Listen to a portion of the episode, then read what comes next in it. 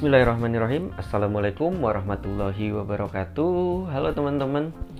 Balik lagi ketemu dengan saya Niki Rosadi. Ya, hari ini kita akan membahas tentang integrasi.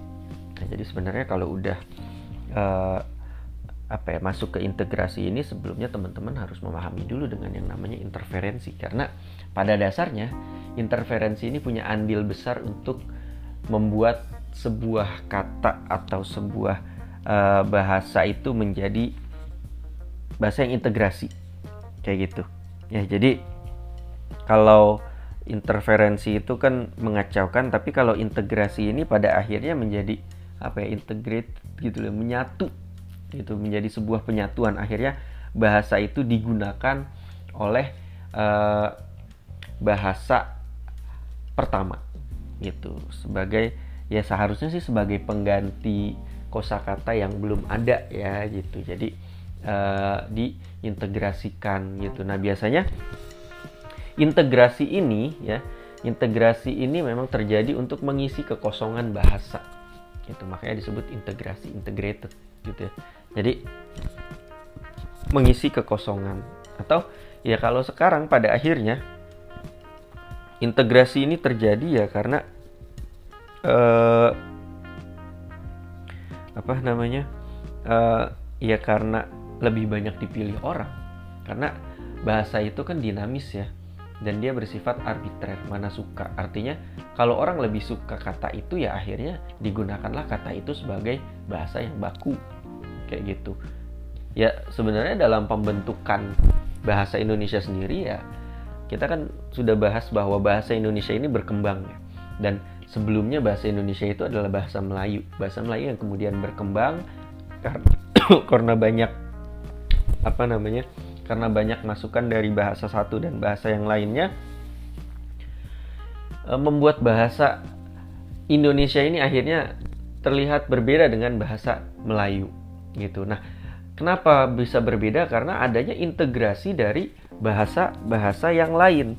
Contohnya, eh, ketika awal-awal eh, bahasa Indonesia ini terbentuk, kebanyakan eh, apa ya integrasi ini terjadi secara audial. Artinya orang dengar katanya apa, baru dia tuliskan, kayak gitu. Jadi jangan heran ketika uh, kita dengar kata uh, apa namanya uh, supir misalnya gitu. Kita dengar kata supir. Nah supir ini ini kan kedengerannya itu ya supir gitu. Jadi ketika ini supir kira-kira kalau dituliskan tulisannya apa? Ya kalau dalam secara bahasa Indonesia supir itu ya tulisannya kan S O P I R supir gitu kan. Nah padahal supir ini kan e, berasal dari bahasa Belanda apa ya. Jadi e, berasal dari bahasa Belanda yang asal katanya itu adalah tulisannya itu C H H A U F F E U R. Gimana tulisnya ya? Pokoknya C H A U F F E U R. Chauffeur gitu. Chauffeur.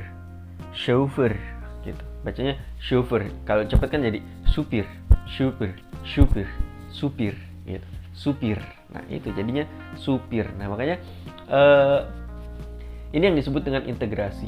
Ya kalau Melayu sekarang kalau Melayu di Malaysia ya kalau teman-teman ya mungkin iseng-iseng nonton Ipin Upin atau Bobo Boy juga ini banyak juga kan ada integrasi bahasa-bahasa Inggris ya yang kemudian diadopsi oleh Malaysia menjadi bahasa Melayu itu sendiri gitu. Jadi yang yang kayak kata bahasa Inggrisnya sebenarnya ini tapi sama dia jadi di apa ya secara penulisannya itu ya penulisan Melayu gitu loh.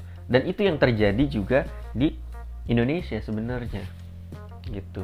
Jadi uh, beberapa kata yang kosong ya beberapa kata yang kosong akhirnya diisi dengan cara mengintegrasikan kayak gitu. Ya jadi uh, diintegrasikan uh, untuk mengisi kekosongan bahasa. Contohnya apa ya? Bukti paling paling mendasar ya ketika eh, dulu ya dulu itu kan abjad itu eh, apa namanya? Abjad itu kan cuma ada berapa gitu kan? Eh, F belum ada X belum ada gitu.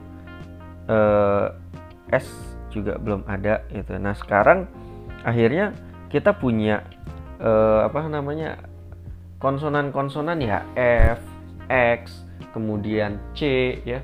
Makanya jangan heran ketika dulu itu kita kan untuk U saja kita pakai OE. Ya, OE. Karena apa? Karena dulu kan awal-awal bahasa Indonesia itu dikukuhkan penulisan Latinnya itu merujuk pada penulisan Latin Belanda gitu. Jadi bunyi U ya tulisannya OE, bunyi C tulisannya TJ gitu.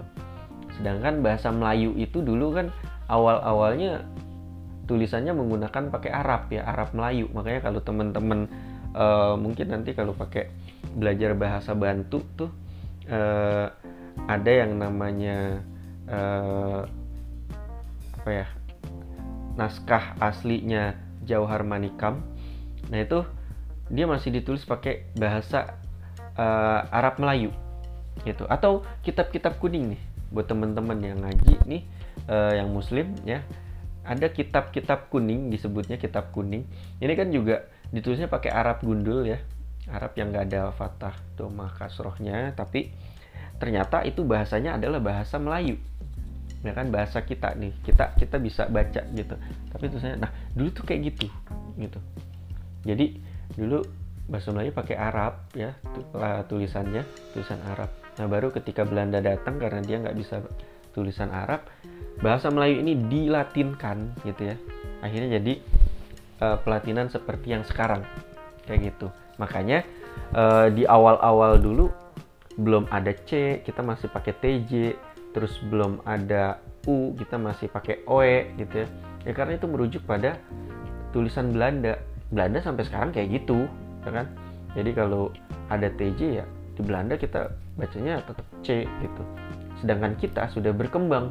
Kita sudah memiliki konsonan C kita sudah memiliki konsonan uh, J J sama Y sudah berbeda gitu ya. Jadi kalau di Belanda itu kan kalau J doang bacanya Y tapi kalau bunyi J itu ditulisnya itu harus pakai D DJ gitu kan Makanya jangan heran dulu Jakarta tulisnya pakai D, D Jakarta gitu. Bacanya bukan bukan D Jakarta tapi ya Jakarta gitu. Dan uh, Yogyakarta itu pakai J dulu kan. J O J Yogyakarta. Jadi bacanya jangan Yogyakarta gitu. Karena dulu J dibaca Y ya bacanya Yogyakarta gitu. Nah, ini yang yang sebenarnya apa ya ini interferensi juga kali ya. Jadi uh, interferensi yang kemudian akhirnya menjadi integrasi gitu. Nah jadi seiring perkembangan zaman kita akhirnya memiliki abjad yang lengkap seperti itu. Nah jadi jadi kira-kira seperti itu. Uh, integrasi ini muncul ya karena untuk melengkapi ya melengkapi kosakata yang kosong gitu. Sama seperti uh, dalam istilah-istilah musik ya. Istilah-istilah musik di Indonesia kan nggak punya tuh.